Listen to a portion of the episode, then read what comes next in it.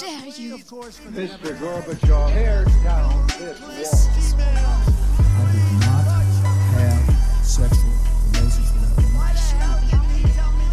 Read my lips. Hell yes, we're gonna take your AR-15. Og så er, vi, så er vi tilbake, Harald, for å snakke om, eh, om disse politikerne. Favoritt, eh, Favorittemaet vårt, eh, kan vi si det i podkasten vår. Altså disse politikere, både tidligere og eksisterende, eh, som eh, ja, om vi kan si det sånn, gjør mindre gode og, og en del dårlige ting, kanskje. Ja, det er jo eh, politikerne, eller det å kritisere politikerne, er jo et av mange favorittemaer eh, for oss. Ja, det er, eh, det er det absolutt, men det er jo så mye å ta av. Eh, Det er jo kanskje det som er problemet. Eh, Men også er det også fordi at klart, politikerne står jo i sentrum av det politiske systemet, og, og vi er jo en podkast om nettopp statsvitenskap og sånt. og Der er jo politikk en, en, en særdeles eh, viktig eh, del av det. Eh, og i den sammenheng så Når vi snakker om politikere, så snakker vi også ofte om, om makt. Um, disse går, går, hånd i hånd. Um, den klassiske definisjonen på, på, makt, ofte gitt av um, den svært kjente statsviteren Robert Dahl, uh, sier jo at A har makt over B i den grad A får B til å gjøre noe han eller hun ellers ikke ville gjort. det gir jo en slags intuitiv forståelse av makt, hva makt er. Det kan jo både da være individer eller grupper og organisasjoner, men også stater, og det er jo kanskje det vi også på en måte ser nå i, i mellom Russland, Ukraina og Nato f.eks., eh, og Vesten, eh, hvor man nå forsøker å på en måte kanskje tvinge hverandre, eh, eller få, få, noe til å gjøre noe de ellers ikke ville gjort. Um, en litt mer sånn annen definisjon um, som tar oss inn mot det som vi skal snakke om i dag, det kommer jo fra, fra en av de virkelig store tenkerne på, på 1800- og 1900-tallet, nemlig Max Weber. Um, og han betegna også uh, makt da, som det å kunne få gjennomført sin vilje innenfor en sosial relasjon, um, også på tross av motstand. Um, og det er, er, jo en ganske sånn interessant diskusjon, fordi at uh, noe av det vi tenkte på i, til dagens podkast, var jo med bakgrunn i Jens Stoltenbergs kandidatur til, uh, til å bli ny sentralbanksjef. Uh, hvor man nettopp kan se Kanskje man kan trekke, komme trekkende på den definisjonen om at eh, her ser vi makt eh, i, som vi betegner seg da enhver sjanse til å gjennomføre sin vilje innenfor en sosial relasjon, også på tross av motstand. For det har jo vært en del motstand mot dette kandidaturet.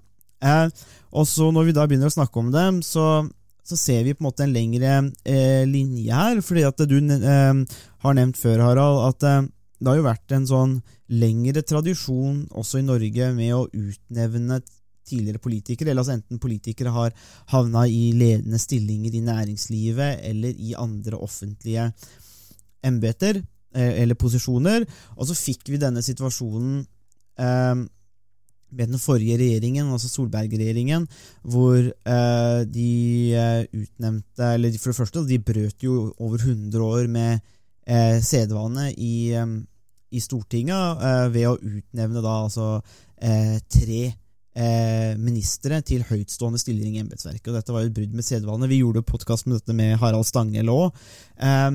og så fikk kanskje det toppa seg da med at tidligere forsvarsminister Frank Bakke-Jensen plutselig ble fiskeridirektør i en prosess som på en måte var hemmelig og holdt utenfor alt. Han hadde ikke søkt innenfor søknadsfristen, navnet ble ikke offentliggjort før han fikk jobben, hadde ikke fiskerifaglig bakgrunn. Um, og da tenker jeg, så ser vi her, Harald, er det, er det for langt å trekke det dit at, uh, at det er en slags Altså, er det en slags trend? Er det, er det Kan vi si det så sterkt? Uh, hvor, hvor, politikere og regjeringer ser ut til å kanskje altså Politikerne ser ut til å kanskje gli litt fra eh, vanlige folk, da, for å bruke den klisjeen. Eh, og at det gjelder litt andre regler for de, og at eh, kanskje makten har gått dem til hodet? ja, det er et veldig godt spørsmål. og Det, jo, det har jo vært mye diskutert de siste månedene i, i Norge. akkurat det spørsmålet her om avstanden mellom politikerne og folket har blitt, blitt for stor. Og man har få, fått en uh, elite som er uh, som ikke har kontakt uh, med grasrota, for å si det litt sånn folkelig og klisjéaktig. Um, og det, det, det, kritikken går på, er, har jo vært flere ting. Det ene har jo vært um, hva slags lønn stortingspolitikerne har i forhold til andre grupper i samfunnet hva slags frynsegoder og fordeler de har, eh, jf. alle sakene om pendlerboliger boliger og tolkning av regelverk mm. um, og, og, lignende.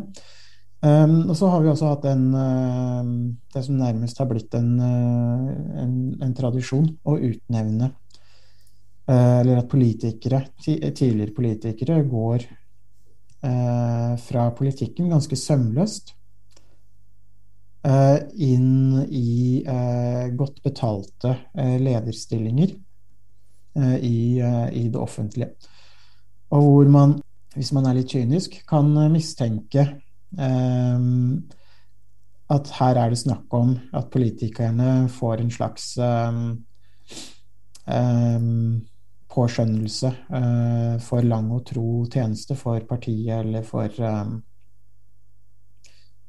um, for de, eh, de, gruppene som de har representert. Mm. Um, og det her har jo uh, fått enda større aktualitet, både med Frank Bakke-Jensen-saken i den forrige regjeringa, men også um, utnevnelsen av ny sentralbanksjef. Uh, og så ser man jo også mye av de samme tendensene som man har observert i, uh, i Norge, ser man jo også internasjonalt. Mm både Storbritannia, USA og eh, andre land, så her har det vært en diskusjon eh, over lengre tid eh, hvor, i hvilken grad politikerne og eliten egentlig er opptatt og har kontakt, bakkekontakt med de de skal representere. Mm. I Det demokratiske partiet i USA så har det f.eks. handlet litt om i hvilken grad er det vanlige velgere i USA faktisk er opptatt av mange av de litt sånn eh, radikale, eh, venstreorienterte eh, politiske forslagene som noen, noen eh, politikere i Det demokratiske partiet har kommet med, som omhandler eh, kritisk raseteori og mm, litt den type woke-saker som vi har vært inne på i noen av podkastene tidligere. Så mange da hevder egentlig vanlige velgere ikke er så veldig opptatt av, og heller skremmer bort potensielle velgere. Eh, I Storbritannia så har det jo eh, vært en lang diskusjon eh, de siste ukene og månedene om Boris Johnson, statsministeren. Mm. Som har etterlatt seg et ganske tydelig inntrykk av at ved statsministerens kontor så har de verken tatt hensyn til eller fulgt de smittevernreglene som de har bedt resten av befolkningen følge, hvor de har på tidspunkter hvor det bare var lov til å møte én person fra en annen husholdning utendørs. Um, had, på, og på det samme tidspunktet så gjennomførte de eh, fester, uh, store fester med over 100 deltakere uh, i statsministerboligen, eller i hagen i statsminister, til statsministerboligen. Så det har etterlatt seg et ganske tydelig inntrykk av at forskjellene har blitt store. Mm. Um, og at det vi ser i Norge, uh, det er jo også blitt aktualisert i forhold til strømkrisen, uh, strømprisen også, hvor mange hevder at det her er liksom politikere som ikke forstår vanlige folk sine ønsker og behov, og ikke klarer å representere de på en, god måte. Så det her er jo egentlig et stort spørsmål. og man ser det både i Norge og Eller at Norge speiler noen av de trendene man ser internasjonalt. Mm. Og Et av de store spørsmålene er jo, eh, er jo egentlig har forskjellene blitt for store. Eh, er det sånn at uh, politikerne ikke har, uh, har bakkekontakt?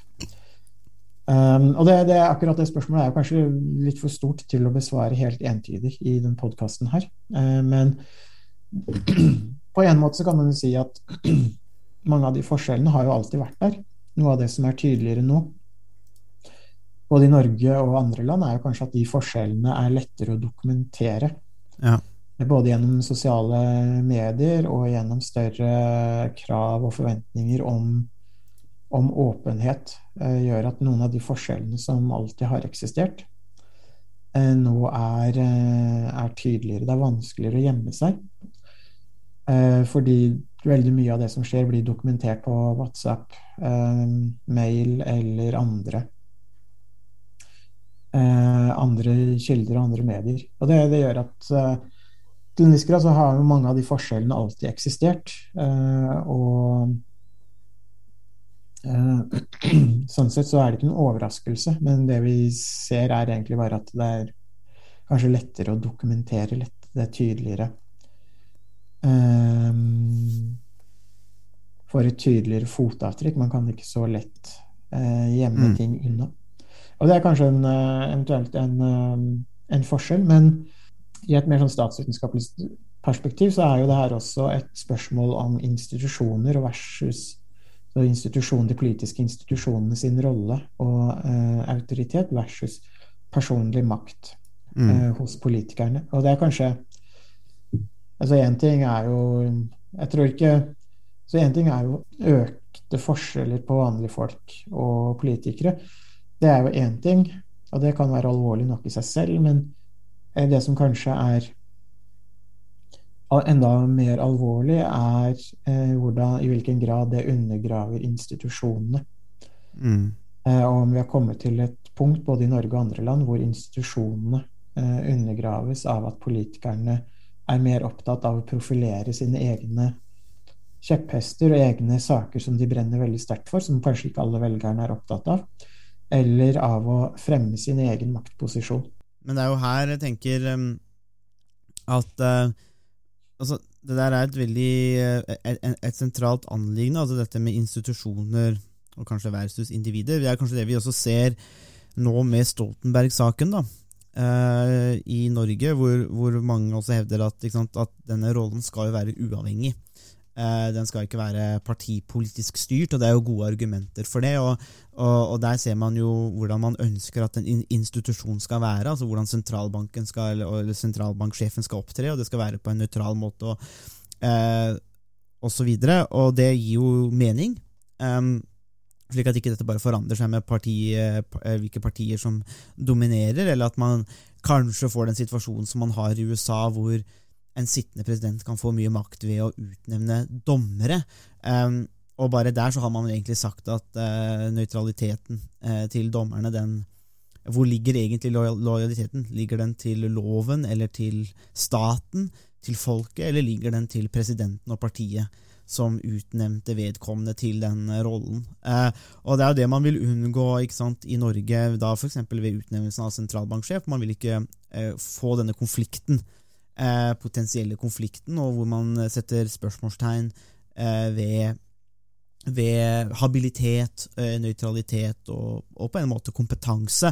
Og, og, Dermed så blir denne saken veldig viktig med Stoltenberg, dette med, med disse rollene. og Derfor så er det en ganske viktig sak for Norge, eh, også i det store bildet. altså Den Stoltenberg-saken er nå én sak, men i det større bildet med en slags erodering av eh, grenser, av eh, skillelinjer, skiller mellom eh, politi politisk makt politik og politikerne og embetsverk og institusjoner, så ser vi at det er, det er nok en viktigere sak enn en som så. Eller uten, det er en viktigere sak utover kun i isolasjon seg selv.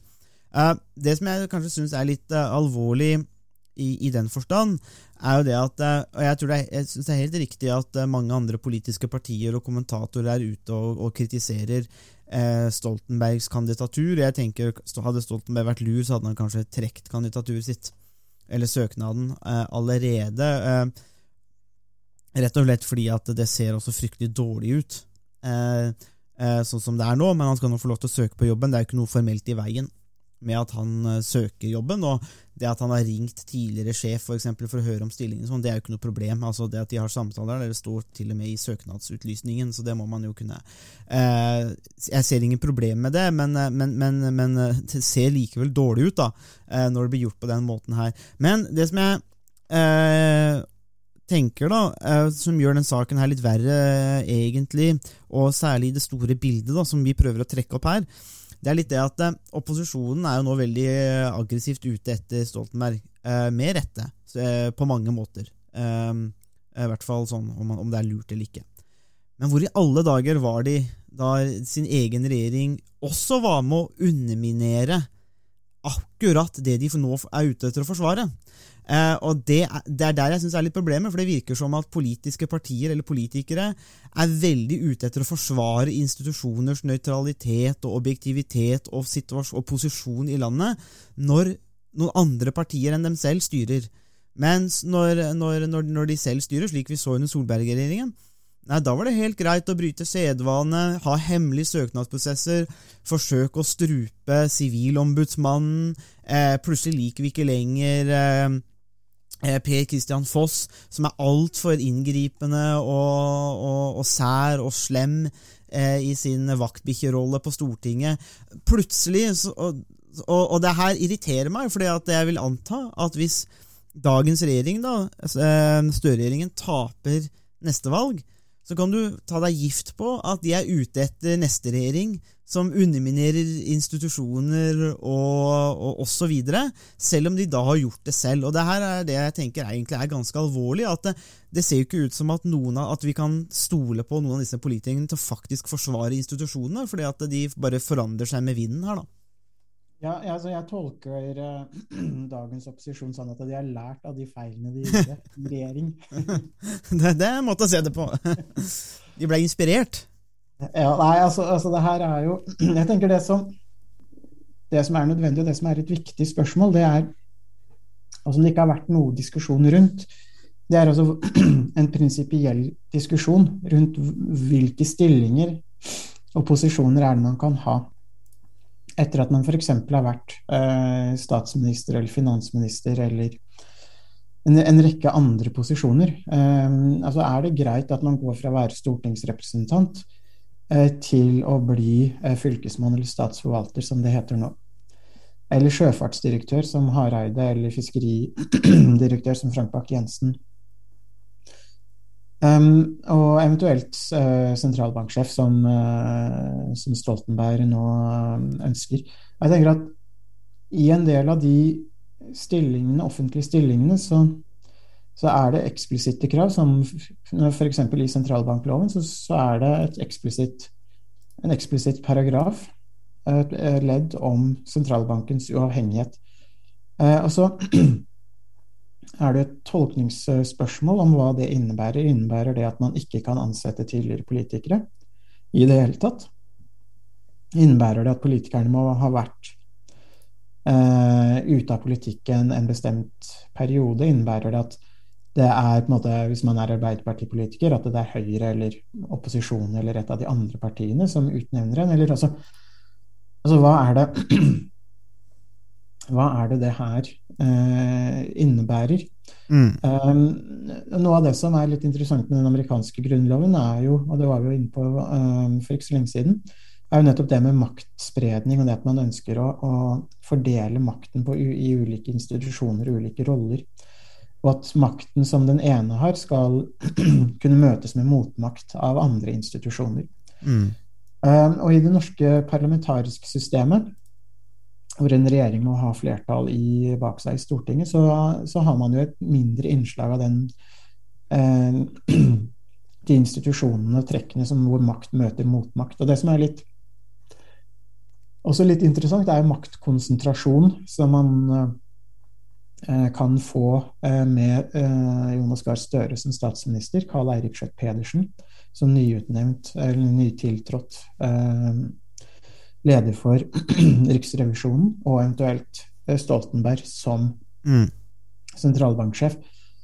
Altså, det er ikke nødvendigvis noe galt i seg selv med kandidaturet til noen av de personene eller de stillingene de har, men når man ser det samla sett, så får man en veldig tydelig maktkonsentrasjon eh, av sentrale politikere som har vært kollegaer kjenner hverandre godt, vet hvordan de andre tenker og mm. så videre. Og det, så det reiser noen prinsipielle spørsmål. Det er ikke sikkert at altså jeg, jeg, tror eh, På en måte så er det eh, er det jo litt synd at Stoltenberg på den ene siden eh, blir eh, trukket fram som en, en drømmekandidat av noen, eh, og han blir sett på som en eh, nærmest folkefiende av eh, noen av motstanderne av at han Mm. til, til sentralbanksjef. Og jeg tenker Noe av det som er synd, er at man får den polariserte diskusjonen og den nærmest sånn behandlingen av hans kandidatur i den offentlige debatten. fordi det handler egentlig ikke så veldig mye om, om akkurat Stoltenberg som, som person. For de aller fleste har jo et godt inntrykk av han som både hans integritet og profesjonalitet, sånn i seg selv. Men det som er det sentrale her, er noen av de prinsipielle spørsmålene Mm. om hvilke posisjoner man kan ha som eks-politiker. Eh, og, og jeg tenker Hvis man hadde hatt en prinsipiell diskusjon rundt det, så ville det vært mye lettere både å vite hva man skulle søke etter, eh, både når det gjelder eh, Riksrevisjonen og sentralbanksjef og mange andre mm. viktige stillinger. Og Nå ender man opp i en diskusjon hvor, man liksom, hvor det er for eller mot Stoltenberg. Det er liksom ikke det som er spørsmålet. Det er ingen som er det er litt rart liksom, å være for eller mot Stoltenberg på den måten, som, sånn som diskusjonen uh, uh, framstår nå, i hvert fall. Ja, det blir jo litt sånn der, hva skal vi si, billige politiske poenger eh, akkurat i den saken her. At man, det blir veldig sånn kortsiktig, som du sier da, kanskje litt sånn for eller mot Stoltenberg. Mens egentlig så er det ikke det diskusjonen skal handle om, eller burde handle om. fordi at eh, og det her har vi vært inne på mange ganger i podkasten. Altså, noe av poenget er at institusjoner eh, de kan være dårlige og gode, de. altså. Og institusjoner er ikke noe å bevare i seg selv nødvendigvis.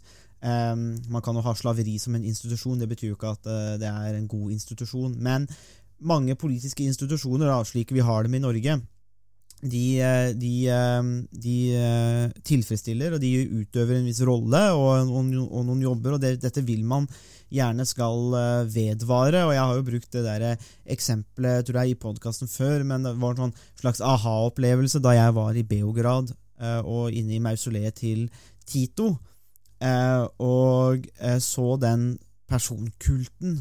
Og, det var en, og kult er jo ordet som må brukes om Tito, og hvordan på en måte egentlig han bandt sammen Jugoslavia eh, via sin person, mens institusjonene og systemet under Tito det var skjørt eh, og fryktelig skjøre greier, slik at da Tito døde òg, så rakna jo Jugoslavia og, og, og brøt sammen i sammenføyningene, og det var ingenting å bygge det videre på. Det var ikke noe eierskap til institusjonene. Det var helt andre bånd som kom opp, og, eh, og lojalitet osv. etter Titos død. Eh, slik at denne med personkult er jo ikke noen måte å, å basere et land på. Og Dermed så blir institusjonene veldig viktige, slik at eh, om du har en fantastisk flink sentralbanksjef, så skal ikke suksessen bero på denne personens briljanse eh, eller genialitet, eller hva det måtte være. Det må være noe i, i institusjonen, i systemet, som gjør at eh, du kan erstatte personer. Eh, og landet går ikke på dunken bare fordi at du får inn feil person. Altså det, for da, da blir du veldig skjørt. Eh, og og det er, jo, det er jo den diskusjonen her kanskje vi savner. da, at, eh, men, Og da sånn som både med forrige regjering, men også tidligere, men særlig da forrige regjering og, og da dagens situasjon. Hvor er denne diskusjonen om at eh, institusjonene er faktisk ganske viktige. Vi må legge en del rammer og spilleregler for disse institusjonene, eh, slik at de er så robuste som overhodet mulig. Eh, og ikke måtte blir gjenstand for eh, altså, Eller der man bare kan at det blir hyppige forandringer og endringer osv. Og så blir det som du sier, at ja, det er ikke, dette er ikke noe for eller mot Stoltenberg eller hans person, eh, men, men det er noe med hele, hele prosessen her eh, som kan bli problematisk. Og så syns jeg at vi, uten at det er noe konspirasjon eller noe som helst, men makt eksisterer, eliter eksisterer, sånn er det bare i samfunn. Og da må vi også være klar over Ok, det gjør det. Er det en sjanse for, som, nettopp som du sier, hvis mye makt konsentreres blant likesinna, så blir det også fort at uansett parti, noen har snakka sammen.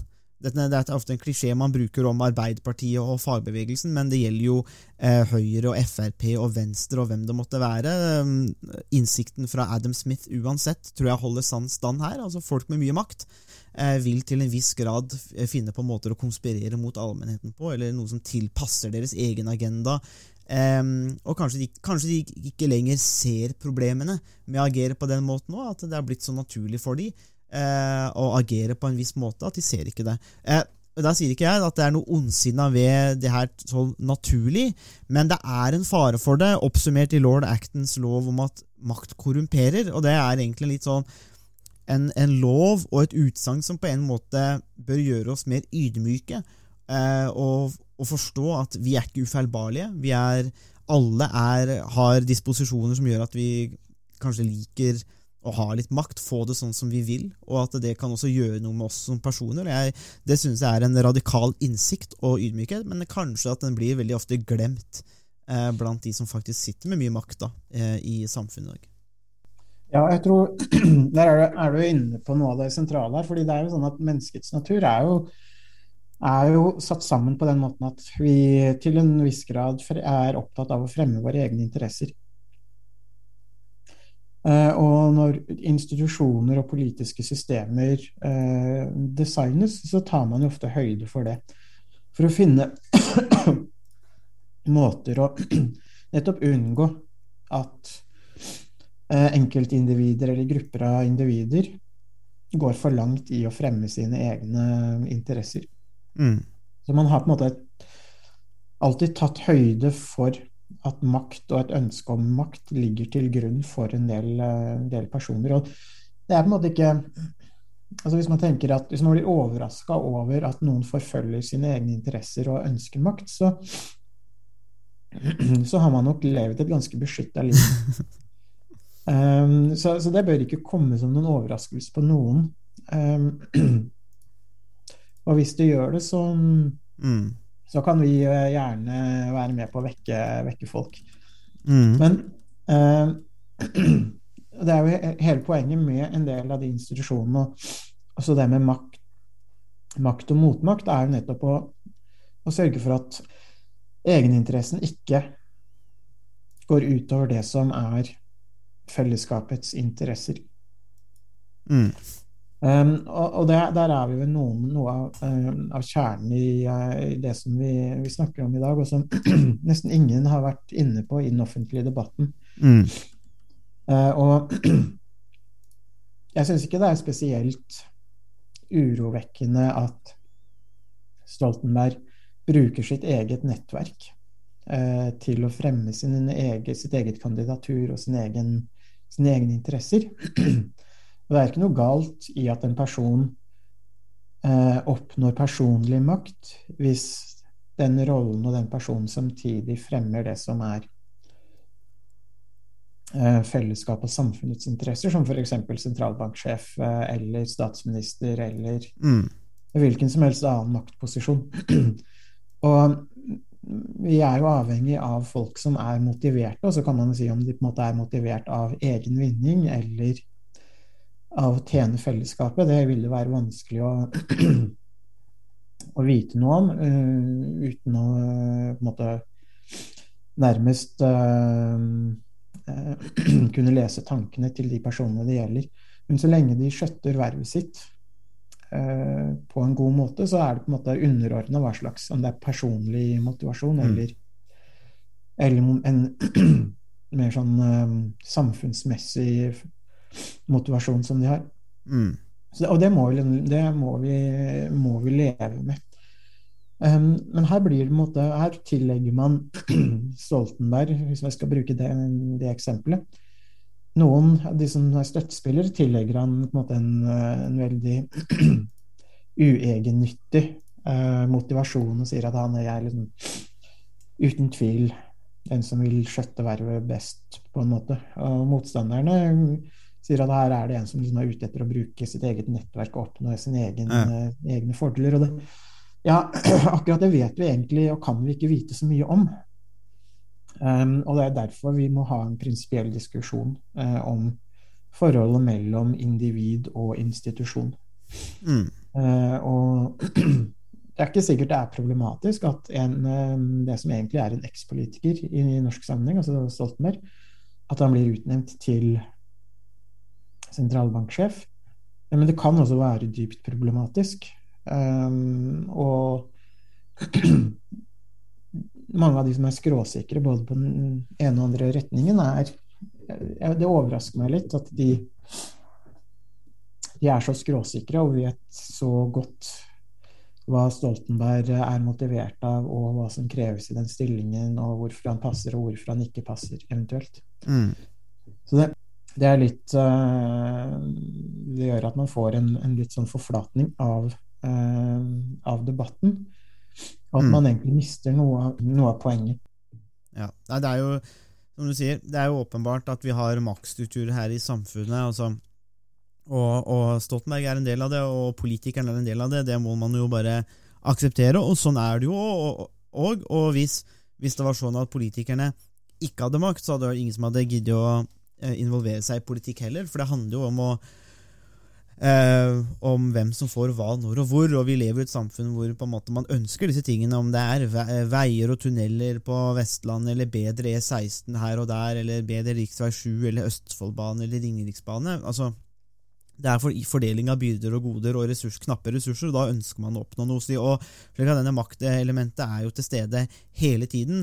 Um, og dermed er det som du sier, da, det er jo ikke noe overraskende med det, men eh, og jeg vet ikke om jeg er overraska over Jeg vet ikke om jeg er overraska over at eh, denne de, overordna diskusjonen mangler.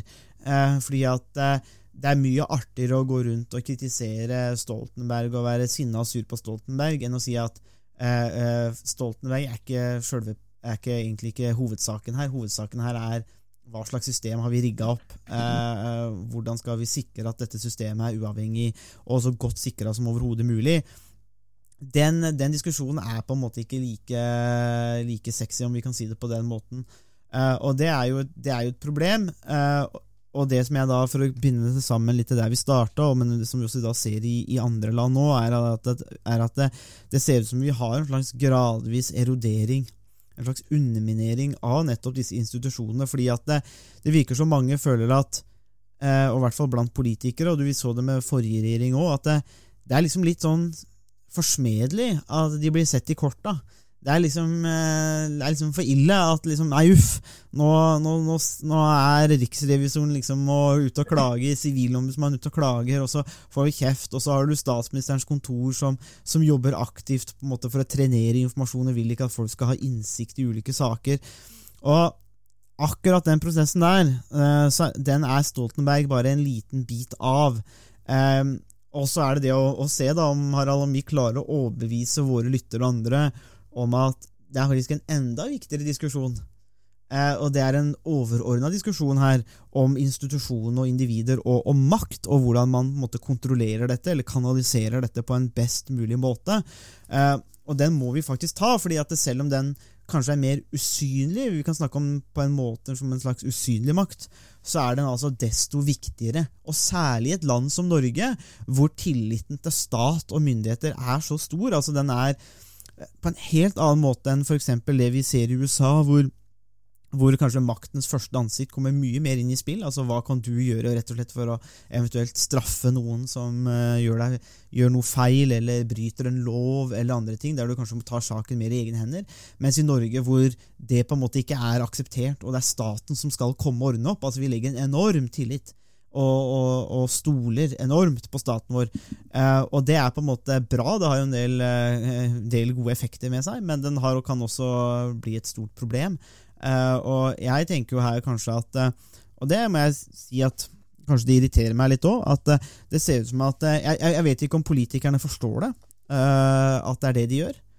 og det er egentlig ganske alvorlig, altså hvis, de, hvis ikke de forstår disse tingene. Eller så kanskje ikke de bryr seg.